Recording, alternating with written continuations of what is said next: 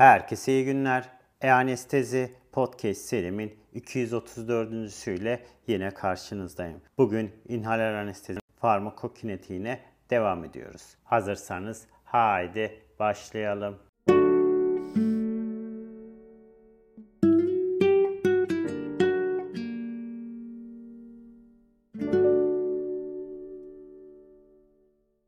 Herkese iyi günler. E-Anestezi Podcast serimin 234.süyle yine karşınızdayım. Bugün inhaler anesteziklerin farmakokinetiğine devam ediyoruz.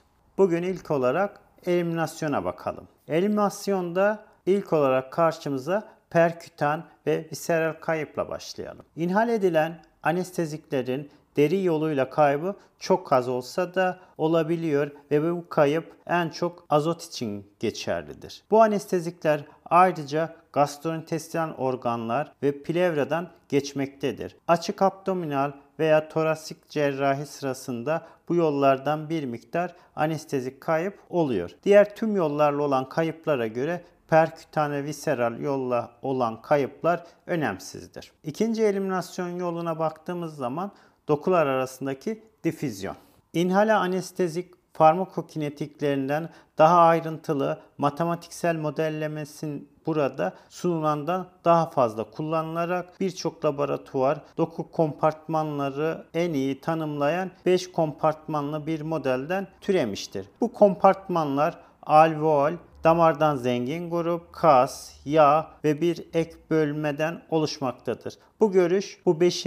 bölümün dokular ve arasındaki difüzyonun yoluyla anestezik alan zayıf dokuya bitişik yağ dokusu olduğunu göstermektedir. Bu anestezi transferi anlamsız değildir ve uzun uygulama sırasında alımın 3'te 1'ine kadar olan bölümden sorumlu gibi bir düşünce vardır. Diğer bir eliminasyon yolu ise eksalasyon ve derlenme. İndiksiyon gibi anesteziden derlenme anestezik çözünürlüğe, kardiyak debiye ve dakika ventilasyona bağlıdır. Çözünürlük FA düşüş oranının birincil belirleyicisidir. İnhalasyon anesteziklerin çözünürlüğü arttıkça kan dolaşımı ve dokulardaki absorpsiyon kapasitesi de o kadar artmaktadır. Uygulama sonunda anestezik vücuttaki rezervuarı doku çözünürlüğüne yani kapasiteyi belirleyen ve anestezik dozu ile süresine bağlı olarak değişmektedir. Anesteziden derlenme ya da temizlenme genellikle anestezi sonlandırıldığında ekspire edilen fraksiyona anestezik konsantrasyon ile sıfır zamanındaki ekspireden konsantrasyon oranı olarak ifade edilmektedir. Sevofloran ve desfloran kullanma iddialarından biri ise anesteziden ayrılma açısından göreceli hızlı olmasıdır. Bu görüş volatil anesteziklerin aşağı doğru titrasyonunun anestezinin sonlanması zamanlarını hızlandırabileceği temel bilgisiyle bir şekilde güçlendirilmiştir. Daha çözünür bir ilaç olan izofloran bile klinik deneyim veya işlenmiş bir EEG monitör kılavuzluğunda hızlı uyanmalara izin vererek aşağı doğru titre edilebiliyor. Ayrıca genel olarak en uzun cerrahi vakalarda daha az çözünür olan ilaçların kullanılması uyanmayı daha basit ve avantajlı bir işlem şeklini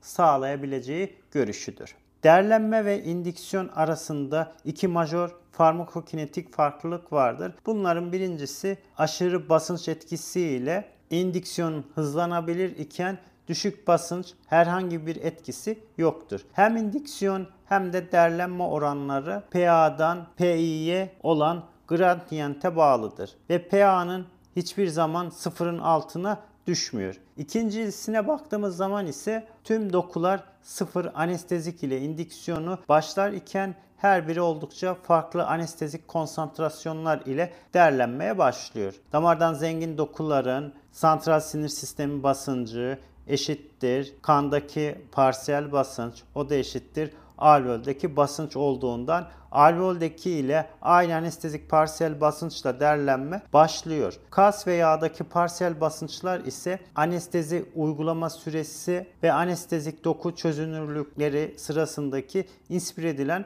konsantrasyona bağlıdır. Arterden dokuya parsiyel basınç gradienti vücut olduğu sürece bu dokular özellikle anestezi parsiyel basınçları tipik olarak anesteziden saatler sonra minimal kalan ve büyük bir rezervuar olan yağ anestezik absorbe edecektir. Anestezi sonlandırıldıktan sonra ise kas ve yağ saatler sonra bile anestezik absorbe etmeye devam edebiliyor. Redistribüsyon kan, alveol anestezik parsiyel basıncı doku parsiyel basıncının altına düşene kadar devam ediyor. Redistribüsyon ise derlenme sırasında alveoler anestezik konsantrasyondaki erken düşüşün indiksiyon sırasındaki artış hızını erken aşmasına neden olmaktadır. Damardan zengin gruptaki dokuları yüksek oranda perfüze olduğu ve anestezinin yıkımı çoğunlukla derlenmenin erken dönemlerinde bu dokulardan eliminasyon yolu ile olduğu için uygulama süresine bakılmaksızın tüm anesteziklerin FEA'nın yaklaşık %50'si ile aynı oranda eliminasyon oranına sahiptir. Burada ne yazık ki santral sinir sisteminin anestezik konsantrasyonu yarıya indirmek için hastanın uyanması için nadiren yeterlidir. Daha yaygın olarak ise inhal edilen anesteziklerin %80 ila 90'ı anesteziden uyanmadan önce elimine edilmelidir. Bu miktarlarda temizlemede daha fazla çözünür anestezikler daha az çözünür ajanlara göre daha yavaş bir şekilde elimine edilmektedir. Ayrıca difüzyon hipoksisine baktığımız zaman ise anesteziden derlenme sırasında yüksek azot konsantrasyonlarının temizlenmesi alveoler oksijen ve karbondioksit konsantrasyonlarını azaltabiliyor. Bu fenomeni difüzyon hipoksisi olarak adlandırıyoruz. Ve sonuçta oluşan alveoler hipoksi hipoksemiye neden olabiliyor ve alveoler hipokarbi, hipoksemiyi şiddetlendirebilecek şekilde solunumun başlamasını deprese edebilmektedir. Bu nedenle azot anesteziden daha az konsantre oksijen hava karışımından ziyade %100 oksijen ile derlenmeyi başlatmak uygun olacaktır. Evet, bugün kısaca inhaler anesteziklerin eliminasyon yollarından ve son olarak da difüzyon hipoksisinden kısaca bahsetmiş oldum. Bugün anlatacaklarım bu kadar. Beni dinlediğiniz için teşekkür ediyorum. İyi günler.